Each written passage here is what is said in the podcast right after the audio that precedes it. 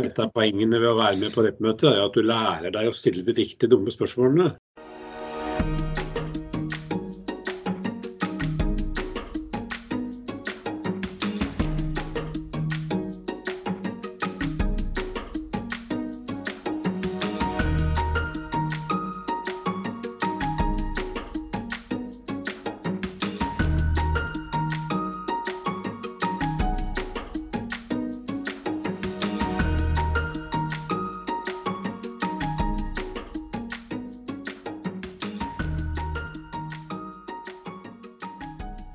Velkommen til hverdagen med NTL Nav. I dag har vi med et par gjester. To medlemmer. Vidar Hansen og Stine Johansen. Velkommen til dere. Takk, takk. Takk. Hvem er du, Vidar? Har du to ord om deg sjøl? Jo, jeg er en godt eh, voksen mann som eh, jobber i kontaktsenteret i Nav, avdelingen i Oslo. Jeg har vært ansatt i Nav siden 2009, da kom jeg tilbake etter tolv år i utlandet. Og da var ja, kanskje ikke Nav den naturlige arbeidsplassen, men NTL var i hvert fall den naturlige foreninga. Ja, men Det er godt å høre. Og du Stine har ikke jobba i Nav så fullt så lenge. Nei, jeg startet i Nav eh, 1.8 i fjor.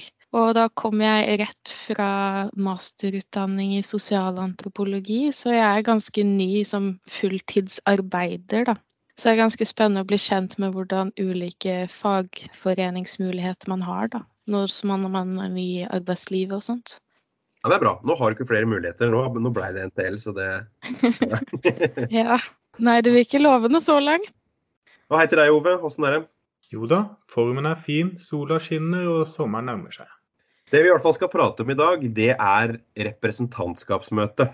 Det er jo et eh, møte vi har annethvert år eh, i NTL Nav, hvor vi diskuterer mange viktige ting. Men hva er det egentlig? Hva tenker dere når dere hører representantskapsmøte da? Er det noe du har hørt før i det hele tatt, Stine? Eller hva, hva er dine assosiasjoner? Nei, for min del så var det et ord jeg måtte google. Jeg skjønte ikke helt hva det var for noe, og det jeg kom fram til var at eh, ulike representanter fra ulike avdelinger, slik at alle stemmer blir hørt. Og det ble liksom diskutert på disse møtene. Jeg vet ikke om dette er riktig, da, men det var det jeg kom frem til. Ja, ja det hørtes rimelig ut det. Vil ikke si det, Vidar? Du har jo vært på representantskapsmøter sjøl. Ja, det er absolutt eh, riktig. Og jeg har jo deltatt på tre representantskapsmøter faktisk nå. Sånn sett så har jeg noe erfaring. Men når jeg hører ordet representantskapsmøte, så er det jo to tanker som dukker opp i hodet mitt. Den ene tanken er den veldig formelle vedtekstfesta eh, biten, som Stine var inne på. Altså at det, det står i vedtektene våre at, eh, hvordan vi skal gjennomføre dette, og at vi skal gjennomføre det. Det er på en måte en høytidelig anledning til å treffes og ta, ta beslutninger om eh, hva styret i NTL Nav skal jobbe med framover. Men i tillegg til den der formelle biten, så dukker det jo også opp andre tanker. Og jeg ser for meg en haug med ja, engasjerte, entusiastiske eh, NTL-ere som eh, samles og prater ja, skittlokk-politikk, på en måte. Og det, det foregår jo tusenvis av sånne uformelle samtaler også på et sånt eh, to-tre dagers reppmøte. Og akkurat den biten eh, må vi ikke glemme. Så det er på en måte to tanker som dukker opp hos meg. Noe av det vakreste med representantskapsmøtet er jo de eh, tøffingene som er så innmari nervøse og går opp på, på talerstolen og sier, eh, sier noen ord og argumenterer for et ståsted som, som de er blitt bedt om å ta ordet til. Og, og du ser de er nervøse, men de, de gjør det likevel. og Det er skikkelig kult. Jeg tenker jo også at eh, selve ordet representantskapsmøte er jo kanskje litt fremmedgjørende. Det er ikke det mest naturlige ordet, altså som Stine peker på, at du måtte google det opp for å, for å forstå det. Og, og det, vi har jo, jeg, jeg vil jo sammenligne med årsmøtet som de har i avdelingene. De er jo årlige. Vi kunne ikke samle alle er det 7000 medlemmer og ha et felles møte med alle over tre dager. Da hadde vel Nav stoppa opp. Men det er jo sammenlignbart også med disse landsmøtene som gjerne politiske partier har. Men det er jo sånn type møter. Borettslag, korps og idrettsklubber har jo også tilsvarende møter, tenker jeg. Som er, som er det det går på. Da. Vi er et møte hvor vi skal prøve å finne en felles vei framover. Men jeg er enig i det. Kanskje vi burde foreslå å endre selve navnet på møtet til noe annet. Men eh, det er i hvert fall ikke på agendaen i år. det er klart Noe av grunnen til at det heter representantskapsmøte er jo historie. Det er det det har blitt kalt. og så har vi ikke tenkt på det på nytt. Men det er klart, det er jo en, altså logikken er jo at det er representanter, som sånn Stine var inne på i den formelle definisjonen. Eh, vi har en nøkkel på hvor mange representanter avdelingene våre rundt om i landet har. I år så er det 73 representanter fra avdelingene og styret i NTL Nav. Og i tillegg på rep-møtet vårt så kommer jo For vi kaller det rep-møte, forkortere. Det er greit å ha sagt først som sist. Den forkortelsen kommer. Det er et eh, litt sånn tungt ord. Men det er altså representanter fra avdelingene, styret, de frikjøpte i Landsforeningen, og i tillegg eh, noen observatører fra avdelingene og en del gjester, som er tidligere ledere, forbundssekretærer osv. Så, videre.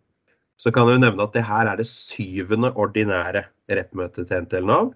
Først så hadde vi et tilbake i 2006-2007, vel da, hvor gamle NTL A-etat og gamle NTL Trygd slo seg sammen, når Nav også slo seg sammen.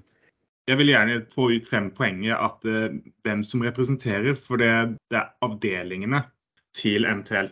Mens uh, mange tillitsvalgte er jo tillitsvalgte etter hovedavtalen. Det er ikke ho tillitsvalgte etter hovedavtalen som er representert inn i representantskapsmøtet. Og Det tenker jeg er et litt viktig poeng å komme med, sånn at uh, folk som lytter på, eh, vet eh, hvem er det som eh, man skal gå til for å få frem stemmen sin hvis man har en idé til representantskapsmøtet. Man må gå til styret, man må finne ut hvem som er representanter via avdelingen, ikke via um, hovedtillitsvalgt i resultatområdet. Selv om det overlapper jo i veldig stor grad overalt. Ja, en del hovedtillitsvalgte har også verv i avdelingene og blir valgt av avdelingene fra avdelingsnivå da, ute rundt omkring i landet?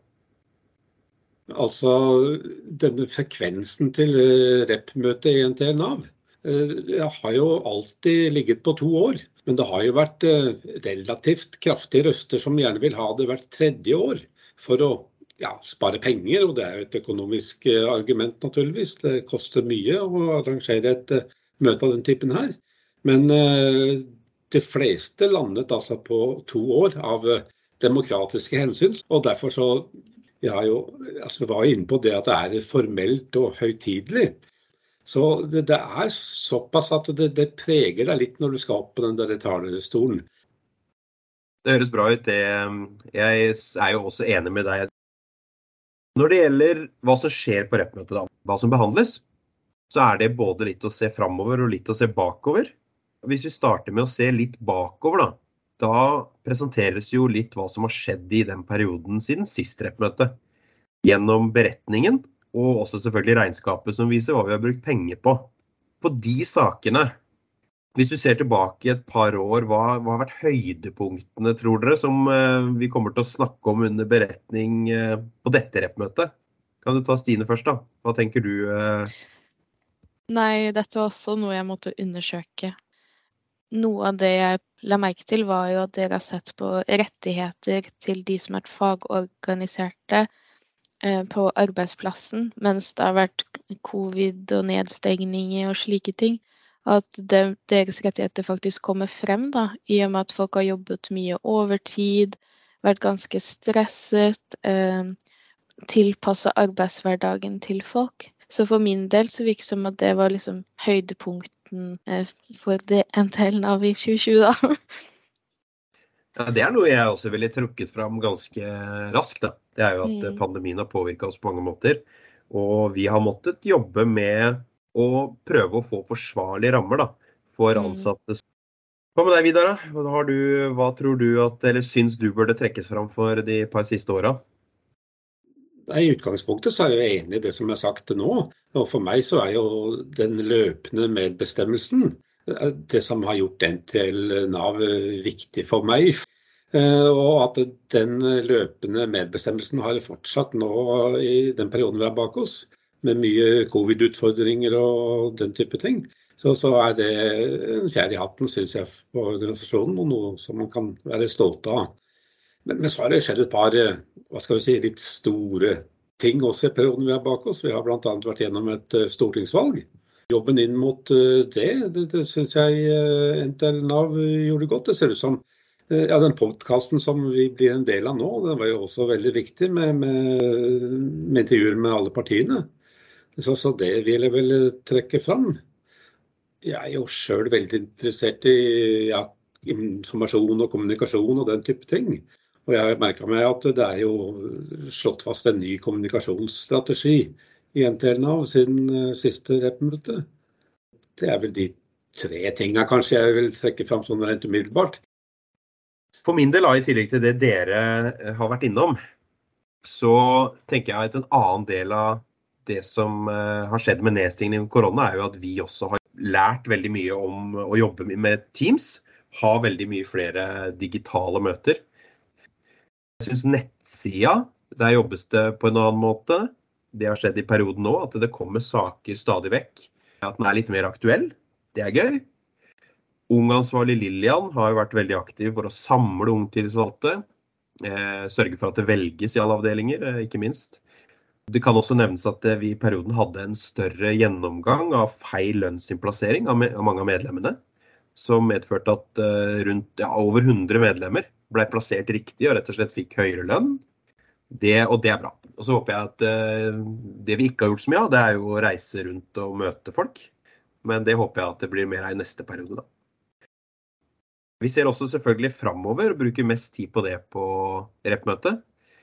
Vidar var jo inne på det at folk eh, står på talerstolen, noen for eh, n-te gang og noen for første gang. Og det blir ofte en veldig god debatt, syns jeg, under prinsipp- og handlingsprogrammet.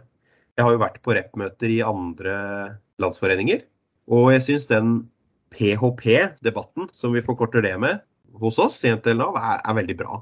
Mange som vil ha ordet, og mange som sier veldig mye fornuftig.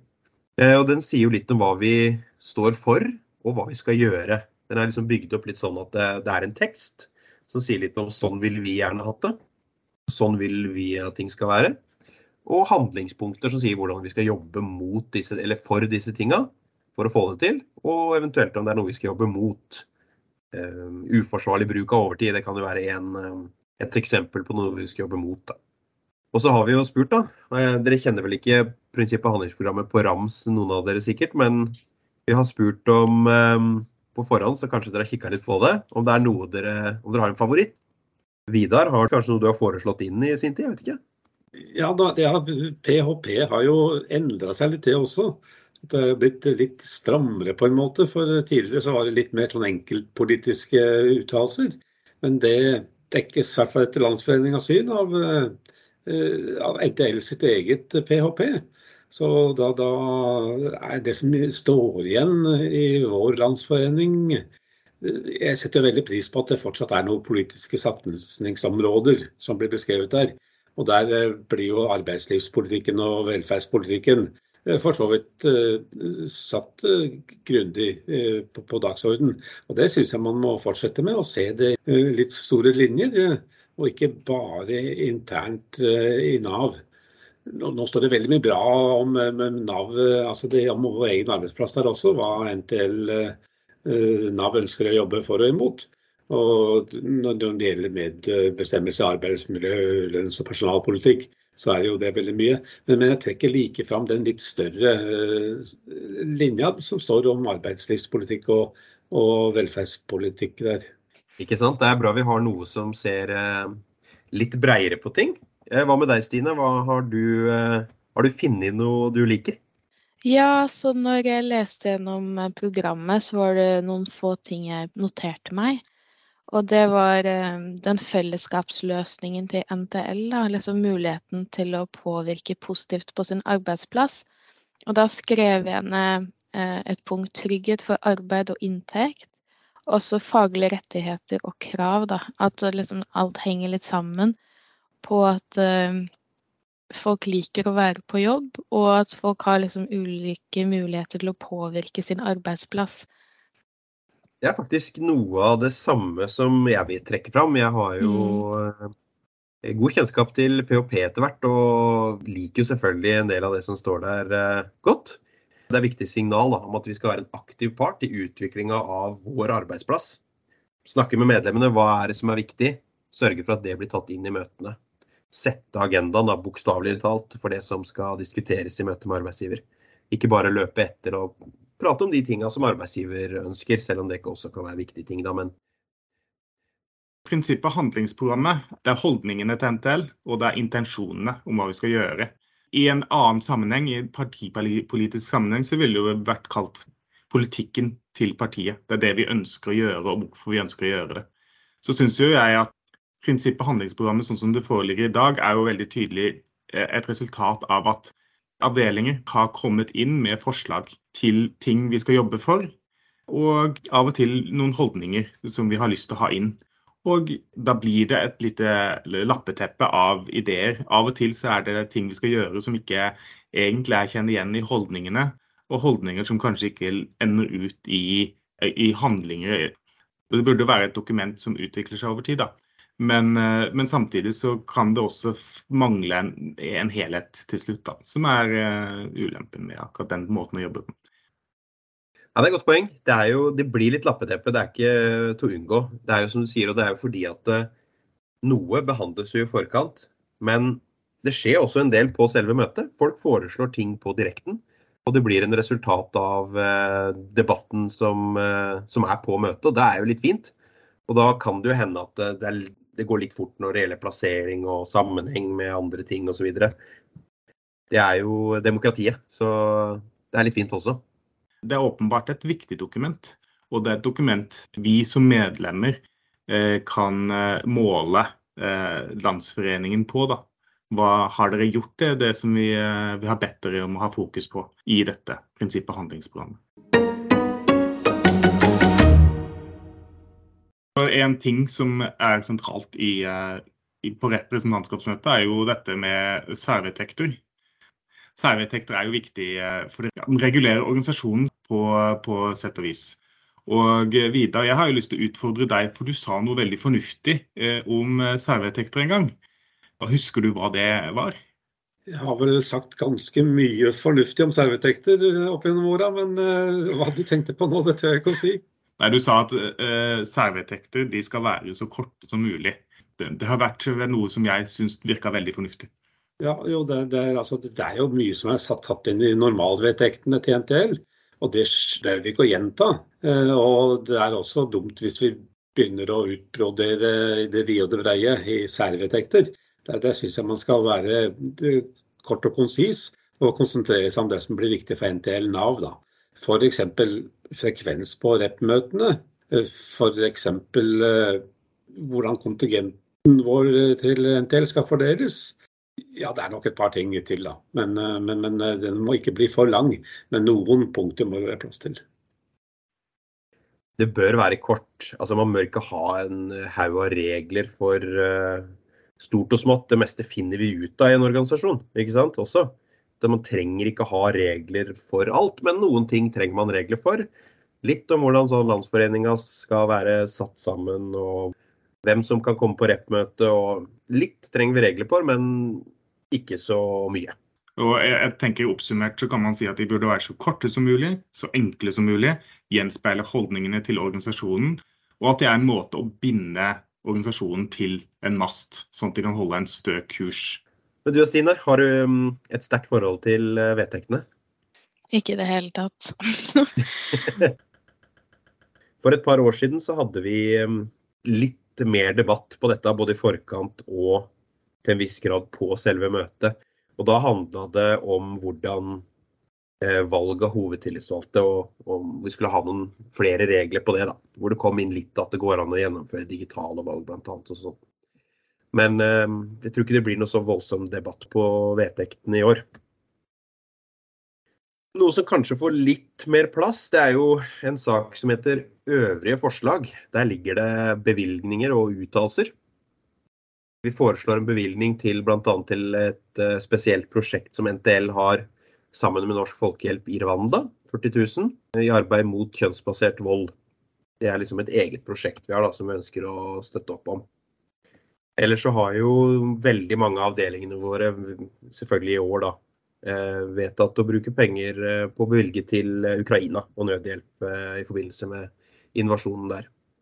Det har jo vært en tradisjon, i hvert fall så lenge jeg har vært medlem av NTL i Nav, så har man gitt både på avdelingsnivå og på landsforeningsnivå penger til vedledige organisasjoner. at det, det ligger litt i holdningene til fagforeningen og internasjonal solidaritet. Og så er det noen uttalelser vi skal vedta. Det er jo på en måte det å si litt om noen større overordna ting som vi syns det er viktig å sette på agendaen. Vi har tre uttalelser i år. Har du fått med deg noen av de, Vidar? Nei, jeg har ikke kommet så langt, dessverre. Da kan jeg fortelle litt om det, så kan dere se om dere har noen kommentarer. Tre uttalelser, ja. Én er om tillitsreform. Der har jo Nav fått i oppdrag å gå foran og få det på plass for staten, men det har ikke skjedd stort ennå. Så i uttalelsen så prøver vi å sette litt eh, riktig retning da, for arbeidet og si litt om hva NTL Nav mener er viktige deler av tillitsreformen. Så har vi en litt sånn overordna om velferdsstaten. Det pleier vi ofte. Eh, den forrige regjeringa slo jo en del hull i det solide byggverket som velferdsstaten er. Noe er reparert Eh, allerede i forbindelse med at det første budsjettet fra den nye regjeringa kom på plass. Men ikke alt, da. Og til slutt, en litt mer Nav-spesifikk eh, fra oss som ansatte. Det er en uttalelse som NTL Nav Oslo har kommet med. Og det er om omsorgstrøtthet eller compassion fatigue. Kanskje noen fremmede begreper for mange, egentlig, men det er jo sånn at mange ansatte i Nav møter brukere i tøffe livssituasjoner ganske ofte. Og det innebærer høye emosjonelle krav, det er jo noe av det som kommer fram i ansatteundersøkelsen eh, bl.a. Og det over tid, da, å, å, stå i følelsesmessig vanskelige situasjoner, det kan gi skadevirkninger for ansatte. Der kommer vi fra Oslo, da, Vidar. Er det noe, mm, noe, du har vært med å jobbe fram, eller? Ja, jeg har vært med på å beslutte at du skulle sende det over til Landsforeninga. Og dette med omsorgstrøtthet har jo vært eh, på dagsordenen hos oss i Oslo eh, ja, noen måneder i hvert fall. Eh, det dukka vel opp veldig tidlig i år. Og ettersom vi behandla det, så ble det jo mer og mer klart at det er stort behov for å snakke om det, den utfordringa i Nav. Og mange linjer og mange avdelinger møter jo dette her. Så det er veldig fint at det blir en uttalelse fra NTL Nav også. Ja, Du Stine, som litt eh, nyere ansatt, hva tenker du om eh, tematikken der? Nei, Jeg syns det er ganske viktig, spesielt eh, tillitsreformen. Hva med deg, Ove? Har du noen spesielle tanker om uttalelsene? Kommer det til å komme noen endringsforslag fra deg på de på repmøtet? Har ikke det i denne omgang. Dette er jo et det vi mener, og så har vi skrevet det ned. Og så stemmer vi over det på representantskapsmøtet for å liksom sørge at vi har støtten til flertall av avdelingene. De fleste bruker jo å stemme for, så vidt jeg vet, på dette her. Det har jo noen likhetstrekk med prinsippet handlingsprogrammet, har du ikke det, Torgeir? Har du noen tanker om Absolutt. Altså, vi har uh, fått forslag om å få inn noe om omsorgstrøtthet f.eks. også i prinsippet handlingsprogrammet. Og sette det på agendaen at det er noe vi skal jobbe med. Um, sånn at det går an å, å ha det litt her og litt der. Når det gjelder uttalelser, så det er jo en litt annen form. Det er, jo noen, det er jo ofte litt sånn at folk spør hva skal det brukes til. ikke sant? Eh, og, og, det kan jo brukes såpass konkret som at det kan danne grunnlag for en kronikk i en, eh, en avis. Eh, eller så er det bare et sånt litt mer dybde da, til hvordan vi skal kunne jobbe med, med dette. Og eh, at når liksom representantskapsmøtet vedtar at dette her mener vi, så har det litt annen tyngde enn kanskje et, eh, et kulepunkt. Da er det også litt mer at det skal være aktuelle ting akkurat nå da, å jobbe med. Siste av sakene, men ikke minst, kanskje det en del syns er mest spennende på, på rep-møtet, er jo valg. Det er jo eh, mange viktige valg som gjøres. Hele styret med leder, nestleder, sekretær, kasserer, studieleder, redaktør. Alle andre frikjøpte som vi har som jobber for NTL Nav. Og vi har jo eh, frikjøpte, og det er jo arbeidsgiver som har betalt. Det er jo en avtale vi har om at så mange tillitsvalgte skal vi ha på sentralt nivå. Og det er jo fordi at det er enighet om at det er viktig å ha tillitsvalgte. Så Det er jo folk vi skal velge da på rep-møtet, hvem som skal være disse tillitsvalgte som jobber på oppdrag fra rep-møtet og fra styret i perioden for medlemmene våre. Jeg tenker Her er det litt viktig å være ganske tydelig på det, hvem som faktisk eh, velges. For det finnes liksom kategorier her. Du har styret og varaene til styret. og Disse møtes jo ikke, fem-seks ganger i året. Men så har du også de som kalles frikjøpte tillitsvalgte. Som er et slags sekretariat for Landsforeningen som gjør arbeid som styret i Landsforeningen og, og for så vidt representantskapsmøtet mener at, at det er viktig at det må følges opp litt nærmere. I tillegg til at du har da ledelsen i styret, sånn som deg, Torgeir, som er både frikjøpt tillitsvalgt, men også styremedlem i form av at du er nestleder. ikke sant? Og det er litt viktig at man i, i mente eller når jeg var fersk tillitsvalgt, så skjønte jeg jo ikke dette her opplegget og spurte jo min da, la oss kalle han mentor, Torstein Brekkan, om hvorfor det var sånn. Og da forklarte han jo at det var det er for å sikre forankring i organisasjonen som helhet. At vi har, har tilknytningene lokalt, eller mer lokalt da enn Landsforeningen har. Sånn at man har fingeren i bakken da, for å finne ut hva som skjer. Og, og når da dette styret samles, da vet man litt lokalt hvordan forholdene er, og hvordan det påvirker de sentrale vurderingene. Da. Det er et godt poeng. Det er jo Særvedtektene våre sier jo det at styret skal bestå av elleve styremedlemmer og fem varaer. Og de 16 personene de er jo de, det er det høyeste organet til NTL Nav mellom rep-møtene. Så Det er de som bestemmer retninga til Landsforeninga og, og litt sånn overordna hva vi skal jobbe med. Og tar stilling til viktige saker underveis. Så litt enkelt kan du jo si at styret på en måte bestemmer eh, retninga og hva vi skal jobbe med. Mens de frikjøpte de utfører den jobben på oppdrag fra rep-møtet og på oppdrag fra styret. Har du noe forhold til eh, disse folka, Stine? Kjenner du til noen, eh, noen av de som er eh, frikjøpte tillitsvalgte i Landsforeninga? Hvis Ove er det, kjenner jeg til han. Ellers vet jeg ikke om jeg kjenner til noen andre. Nei, ikke sant. Det er kanskje ikke alle som er like synlige for alle medlemmene i, i hverdagen. Interessant poeng Stine trekker fram her. for det, Jeg er jo frikjøpt av arbeidsgiver på driftsenhetsnivå eller resultatområdenivå. Og det er jo en del fylker og, og, og resultatområder som frikjøper eh, tillitsvalgte for å gjøre arbeid. Men de er frikjøpt på et annet nivå. For det du og de frikjøpte i Landsforeningen, de er frikjøpt av etaten som på øverste nivå. Så det er et forskjellige nivåer med frikjøp. Og det er ikke åpenbart for alle medlemmer. Og Det er jo helt åpenbart at uh, dette med valg er veldig viktig at det gjøres på riktig måte og med gode forberedelser. Og jeg har jo stor respekt for det arbeidet som valgkomiteen gjør i forkant av valgene våre. Eh, I år skjønner jeg at eh, innstillinga fra valgkomiteen ikke vil bli lagt fram før eh, nærmest i møtet. Det demonstrerer vel hvor tungt og hvor vanskelig det valgkomitéarbeidet egentlig er. At jeg innbiller meg i hvert fall at de sitter og jobber nå til siste slutt. Ja, Det er et veldig viktig jobb de gjør, å sørge for at medlemmene til NTLA får eh, de best mulig tillitsvalgte til å utføre jobben. Det var sakene. Men det er klart på rep-møtet så er det jo eh, litt interessant som skjer både i pauser og på kvelden osv., som du var inne på, med mange viktige samtaler som også skjer ikke bare fra talerstolen. Så vi skal jo ha bl.a. Eh, gjester. Politiske gjester hvor vi skal snakke om tillitsreform og andre ting. Eh, vi skal ha middag og eh, forhåpentligvis eh, hyggelig sosialt samvær litt sånn mellom. Har du noen spesielle historier fra Reipmøtet, Vidar? Som altså det, det, har jo alltid vært litt sang og spill, hadde jeg nær sagt.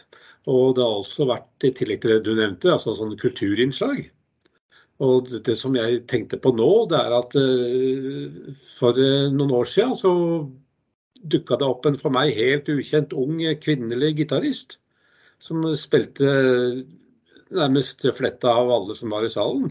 Og det var Fay Vildhagen, som eh, en eller annen eh, i Landsforeningen hadde fått tak i. Og det var egentlig en stor opplevelse, syns jeg. Så akkurat på kultursida så har det vært eh, høydepunktet. I 2018 på rettmøtet der, hvor vi skulle ha mm, en politisk tema som er ofte tas opp. Og da er det jo skulle vi få inn storfint besøk med liksom, den daværende etatsleder eh, Sigrun Vågeng og den daværende nestleder i Arbeiderpartiet, eh, Hadia Tajik. Hvorpå begge to måtte avlyse, og vi fikk liksom økonomilederen i Nav og en litt sånn ukjent eh, politiker fra Møre og Romsdal til å, å, komme med innlegg. Det var jo litt nedtur, da. Det er ikke like stas det, kanskje, som eh, første, førstevalgene der. Men uh, vi får se åssen det blir i år. Det har vært ålreit å prate med dere om Rep-møtet. Helt avslutningsvis så vil vi gjerne spørre dere hvorfor blei du medlem av NTL? Og da begynner jeg med deg, Stine. Det er jo så kort siden du ble medlem at det regner med du husker det godt. Ja, eh, når jeg først eh, forsvarte masteren min, så begynte jeg å jobbe her. Og da ble jeg først medlem av Akademikerne. Og jeg visste jo ikke hva NTL var, før jeg hadde begynt å jobbe der et par måneder og blitt kjent med folk som var medlem av NTL selv. Og de snakket om NTL som organisasjon, og hvor, hvor, mye representativt de var på jobb da, i forhold til akademikerne. Også det som slo liksom spikeren i kista, var eh, når jeg skulle få fast kontrakt, så spurte jeg lederne i Akademikerne om hjelp om lønnsforhandlinger. Og hun sa at jeg måtte ta det med sjefen min, og hun kunne ikke hjelpe meg. Så da byttet jeg til NTL etter det siden de var eh, mer behjelpelige da enn eh, akademikerne. Ja, men det, det, var en litt interessant historie. Så mm. Eh, velkommen hit. Og hva med deg, Vidar? Jeg vet ikke om du husker, husker, det. Det er litt lenger siden du ble med hos oss, men um, du har jo god hukommelse òg? jo, takk. Uh, altså, jeg ble jo med i NTL første gang i ja, 1988. Og det er jo i forrige årtusen, og da var NTLs organisasjon litt annerledes enn den er nå. Men da jobba jeg eh, ti år i Utlendingsdirektoratet. Og da Tilbudet blant organisasjonene var jo da altså, noen akademikerforbund og NTL i praksis. Og jeg hadde jo en bakgrunn som gjorde at jeg følte meg hjemme på venstresida i politikken. Og jeg likte jo også å tone flagg i politiske spørsmål og vise hva jeg sto for. Og da var det ikke noe tvil om hvilken av de to uh, hovedsammenslutningene som du i hvert fall skulle velge. Da jeg først begynte i NTL i 1988, så, så fikk jeg et godt liv der en tolv års tid. Før jeg dro utenlands, og så kom jeg tilbake i 2009 da, og begynte å jobbe i Nav. Og da var uh, valget klart ble jeg litt nysgjerrig. Hva var alternativet i Utlendingsdirektoratet den gangen? Ja, den gangen så var det to eh, akademikerforbund. Eh, det, altså var Juristforeninga, som jeg ikke fikk lov til å være medlem av. Og så var det Samfunnsviterne, som jeg kunne bli medlem av hvis jeg ville. Men, men de var, bar allerede den gang preg av å være en, si, en, en interesseorganisasjon som ikke så så mye lenger enn nesa. Eh, så, så det er vel et inntrykk jeg personlig fortsatt har. Og når du skal velge mellom en sånn organisasjon, eventuelt en reise- og selskapsklubb, og eh, en organisasjon som har noe politikk i ryggen, så, så er jo det valget lett. da. Så da blir det, blir det NTL for meg, uten noen tvil. Ja, men det er ikke verst. Takk for at dere har vært eh, med oss i dag eh, og snakke om rep-møtet. Takk for at dere kom, og ha det bra. Alt i orden. Var hyggelig. Ha det. Ha det. Takk til deg som hørte på. Hvis du har spørsmål eller kommentarer, ris eller ros, så er vi veldig takknemlige om du sender en e-post til torgeir.homme alfakrøll nav.no. Vi høres.